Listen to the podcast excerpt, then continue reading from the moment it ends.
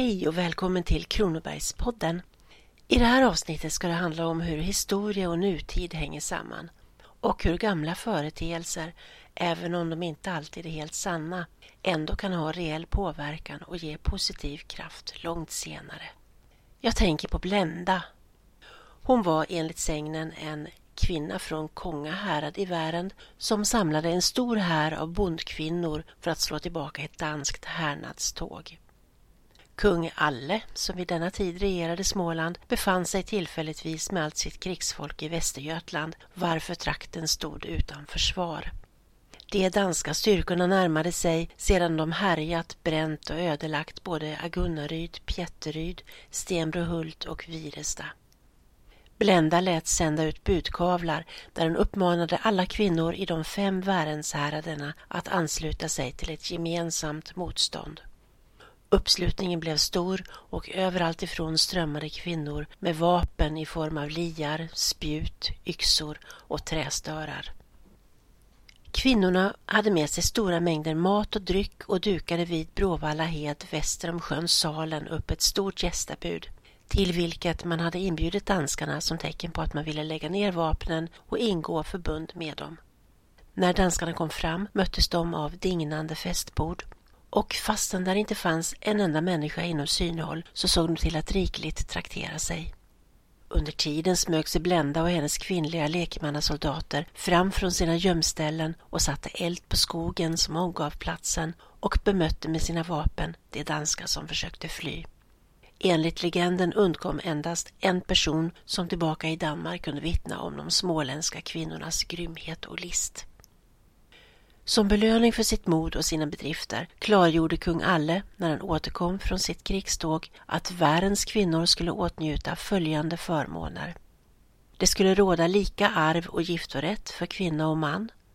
Värendskvinnan skulle då hon gifte sig få rida till kyrkan och i sitt bröllopsfölje medföra pukor, lurar, trummor och trumpeter som skulle påminna om fältmusik och i sin högtidsdräkt skulle Värendskvinnan bära ett brett rött skärp som påminnelse om ett fälttecken. Det ingår än idag i Värendsdräkten. Det här låter som en riktig historia, inte sant? Som en sägen, en folklig berättelse som går tillbaka på något som betraktas som sannolikt och verklighetsförankrat. Men ändå är Bländasägnens historiska äkthet tveksam. Den kan jämföras med Amazonsägner på så vitt skilda håll som hos Homeros, hos den bibliska Judit, i Johannes Magnus verk samt i de isländska sagorna. Förmodligen har den sin upprinnelse i de orostider under medeltiden då det småländska landskapet vid upprepade tillfällen angreps av danska styrkor. För att så har skett är däremot oomtvistligt historiskt dokumenterat. Den geografiska närheten till Danmark genom den då gällande riksgränsen mellan Småland och Skåne har förorsakat flerfaldiga åtskilliga härjningar. Vid till exempel det sista stora danska anfallet 1612 både brändes Växjö stad och så gott som hela den manliga befolkningen i Blädinge, Slätthögs och Mistelås socknar stupade medan byarna stacks i brand. Och på grund av dessa ofredshot har man sedan lång tid tillbaka haft bemannade försvarsvärn och vaktställen på diverse platser i Värend. Ett exempel på detta är Kronobergs slott strax utanför Växjö som byggdes på 1300-talet som just en befästning åt biskopen i Växjö stift.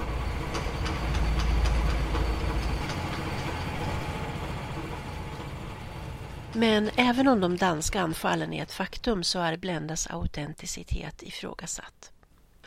Hon kan mycket väl vara en skrivbordsprodukt av Peter Rudebeck som var lokalhistoriker och brukspatron på Huseby bruk i slutet av 1600-talet och som gärna ville sammanlänka sin hjältinnas namn med angränsande ortsnamnet Blädinge. Rudebeck var för övrigt brorson till Olof Rudbeck, författare till Atlantica och liksom denne starkt påverkad av den tongivande göticistiska historieuppfattningen som anknöt till Nordens forntid och hyllade den som ärans och hjältarnas tid. Inte desto mindre vill sägnen gärna berätta att Blenda efter sitt storslagna hjältinnedåd länge bodde tillsammans med sin man på gården Värnlandia i Nöbbele socken och efter sin död begravdes hon där på en vacker plats i Gärdet under en lummig ek.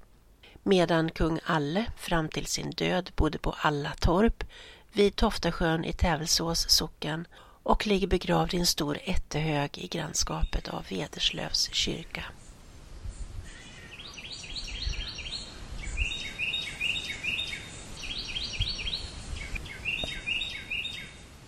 Flera historieskrivare har återberättat sägnen om Blenda, varför detaljerna ibland skiljer sig åt. Jag ska här berätta hur den ser ut i Gunnar Olof Hyltén Cavallius version, så nu får ni höra om Blenda-sägnen en gång till. Han skriver i Sägner om Värens härad om kung Ulle och Ullatorp istället för Alle och Allatorp samt nämner att namnet på anföraren för den danska krigshären var Taxe. Efter Taxes död efterträdde Tumlinger honom som anförare. Och det var denne huligan som drog fram över Småland och härjade trakten med eld och svärd, skändade kvinnorna och skövlade byarna. Både Virestad, Stenbrohult och Agunnaryds socknar ödelades. Den rådiga Blenda från Konga sammankallade då kvinnor från både sitt hemmahärad samt Albo, Kinnevald, Norrvidinge och Uppvidinge och uppmanade dem att möta henne vid Jämla. En kvinna vid namn Ramborg samlade till exempel ihop kvinnor från Norrvidinge och Uppvidinge och väntade på dem i ett dygn uppe på ett högt berg för att så många som möjligt skulle få tillfälle att komma. Det berget lär än idag kallas Kvinneberga. Och sedan begav de sig i samlad tropp till Blända. Kvinnorna hade blivit tillsagda att ta med så mycket god mat och dryck som de kunde bära med sig. De slog sig ner dels vid sjön Salen, dels lite längre fram vid en mindre sjö på slätten Bråvallahed och dels vid Blädingenäs, Benesta och Dansjö. Således var de väl utspridda. Och så sände de bud till danskarna om att de ville bjuda in till fest och fredslag och att deras män hade varit borta så länge så att de gärna erbjöd sig att bli danskarnas hustrur dessutom. Danskarna tackade godtroget ja och infann sig och kom och smörjde kråset. Enligt en variantsägen var kvinnorna trevliga mot danskarna och lät dem somna med huvudet i deras knä. Och när de mätta och rusiga sedan låg där och snarkade smög sig Blenda fram tillsammans med sina två andra anförerskor Ramborg och Sigrid och uppmanade kvinnorna att låta yxorna och liarna göra sitt.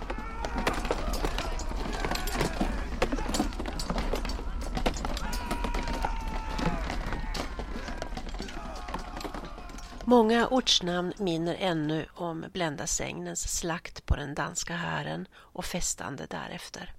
Dansjön, Dansjöby, Tumlinge rör, Värnslandahed och Skäggalösa är exempel på sådana.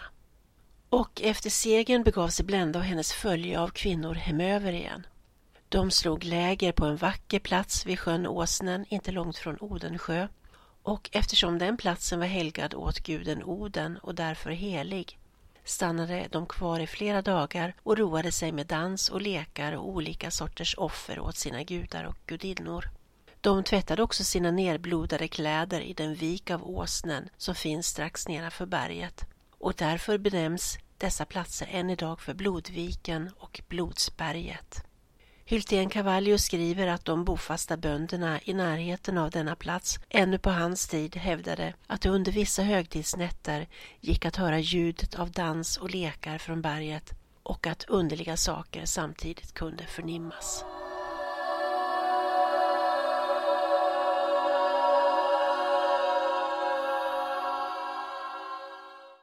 Men Blenda är inte bara en historisk gestalt, sann eller inte. Hennes namn förknippas med lokal kraft och styrka och jävlar anamma. Kvinnojouren i Växjö har tagit sitt namn efter Blenda. Från november 2016 och fram tills nu har projektet Blenda, ett samverkansprojekt mellan Linnéuniversitetet, Växjö kommun och Region Kronoberg, gått av stapeln. Det har med utgångspunkt i folksägnen om Blenda velat belysa unga vuxna kvinnors rätt att ta plats i det offentliga rummet och med underliggande ledord som bland annat delaktighet och styrka. Projektet har manifesterats genom bland annat workshops, en teaterpjäs och en bronsskulptur föreställande den kvinnliga superhjälten Blenda med det röda Värensskärpet och midjan på plats framför ingången till Växjö simhall. Och när gränden mellan Storgatan och Sandgärdsgatan, där diverse butiker och näringsställen idag har sina lokaler, skapades och invigdes år 2011, vad fick den då för namn? Jo, Växjö kommun valde att kalla den Blända passagen. Så allt behöver inte vara sant för att gå till historien. Ibland räcker det med en manifestation av egenskaper. Civilkurage, mod och handlingskraft är goda exempel på sådana. För de kan bli legendariska och underlag till sägner. Jag som har berättat detta heter Ella Styv och arbetar på Växjö stadsbibliotek. Och på biblioteket hittar du också material om Blenda ifall du vill ta del av det på egen hand. Väl mött igen här på Kronobergspodden. Hej!